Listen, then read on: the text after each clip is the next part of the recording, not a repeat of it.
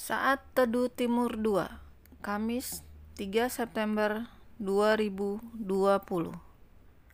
Berada bersama. Yohanes 17 ayat 24. Ya Bapa, aku mau supaya di mana pun aku berada, mereka juga berada bersama-sama dengan aku. Mereka yang telah engkau berikan kepadaku, agar mereka memandang kemuliaanku yang telah engkau berikan kepadaku, sebab engkau telah mengasihi aku sebelum dunia dijadikan. Shalom.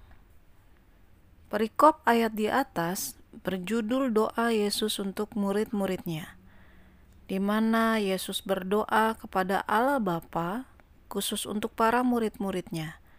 Hal yang menarik adalah, aku mau supaya di mana pun aku berada, mereka juga berada bersama-sama dengan aku.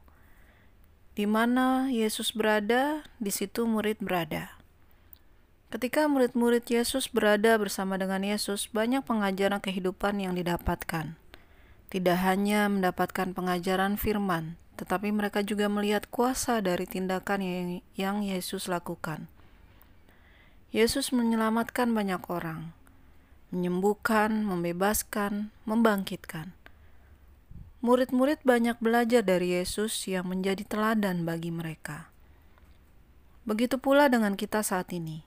Ketika kita berada bersama dengan Yesus, maka Yesus pun berada bersama dengan kita. Yesus ingin kita melakukan seperti yang Ia lakukan.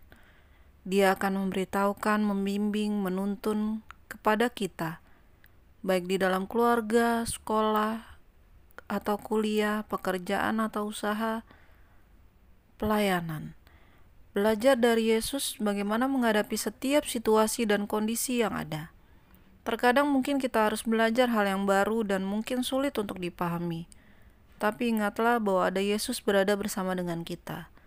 Kita mendengarkan perkataannya melalui firman, melakukan bersama-sama dengan dia, maka kemuliaannya turun dan namanya ditinggikan.